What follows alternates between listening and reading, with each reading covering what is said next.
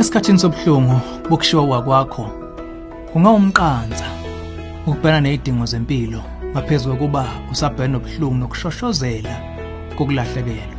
Nokho neshwa isisho sizwakala singenasihe esithi impilo iyaqhubeka.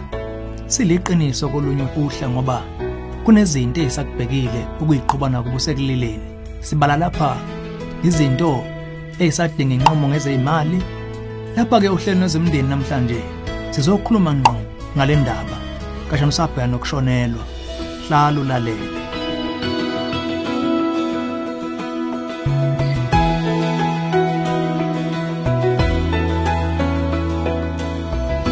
ngikubingelele ezomndeni uhlelo lethele izeluleko eziphatheka ngabaka focus on the family. Umama olilayo ngokushonelwa usibhayile umbuzo wathi Ningangisiza ukubhekana nomshikashika wansuku zonke emva kokushonelwa. Sengivele ngihamba abaluleki nezihlobo ziyangiqinisa.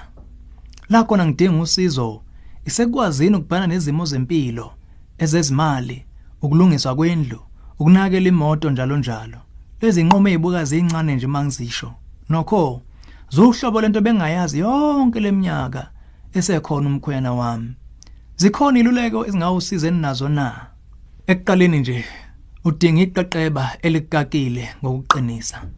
Njengoba ususitshelile bakhona abaluleki nabangani abakuzungezile. Sithatha ngokuthi sewuvela unalo leli qeqeba elikakile. Uma kunjalo pho ubayekeleni ngohlobo losizo oludingayo na? Uma ke omunye wabe gogodile emkhakheni wezezimali, ngicele akululeke ngenhlakanipho yokuthatha lezo zinqumo. Uma kunesihlobo esithembekile noma umngani owazi ezokukhanda imoto, amanzi, kumbe ezamabhizinisi, mcele abe ludondolo kuwe kulomkhakha. Ungamyeki futhi nomeluleki ukumbuza uma inezinsiza eziphathekayo kulezi zihloko akuxhume kuzo. Kubiza nje ukubuza ukuze wenze izidingo zakho zaziwe. Ngokweso lethu lapha angingakho ukucela abantu bakwenzele lezi zinto ngoba nakho ushonelwe. Kunalokho kuba bakufundise, bakuhlomise ukuze ube sesimeni sokubhekana nezinselo zempilo uyimele wedwana. Kumele umgomo wakho kube ukulwela ukuyimela. Lokhu kusemqoka ngezathu ezimbalwa. Okokuqala, angimele ubenze bakhathale ukukusupporta. Kulesi sigaba usalila uyadinga futhi uxhugele kubhekana nempilo nobutasa bayo kanjalo nokukhuxuza ingqondo ukuyiphoqa ukuyimela. Lokho nje kukodwa kuyokhambisa igxathe lide ekwelapheni ubuhlungu benhliziyo nempilo. Nokho okwamanje ungakuyeki ukwelapha ingaphakathi lakhe lililayo qhubeka kuye kubakhokheli ude ukuxhumana nomndeni wakho ude uxoxa nabangani njalo njalo. Uthembeke ngemizwa yakho. Zama ukukhalipha ekuncengeni inhliziyo yakho ixoxe okuyo.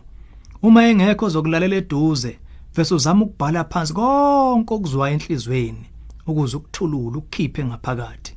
Yenza ongakwenza ukuba sebandleni sondelana nabazalwane nabababhekana nosizi lwakho.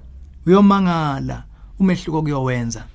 Uma uthanda ukukhuluma nomeluleki oqeshiwe ngamanye amagxatha alandelayo ongawathatha sishayele ku031 716 3300 umnyango aka Focus on the Family wezokeluleka unezisebenzi zekulungele uxoxa nawe ngocingo. Zekulungele nokuxhumana nabaluleki abamkantshubomvu abangaba seduze nawe.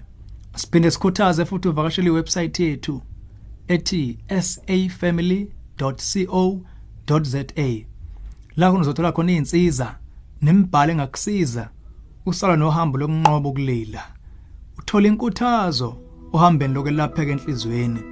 Kanjalo neziluleko eziphathekayo siphinde futhi safamily.co.za sikukhulekela ukuthola amandla einsukwini eziphambi kwakho. Usithola ukwazi ukubhekana nezidingo zosuku nosuku nakuba zibuka ziyintaba masekuqaleni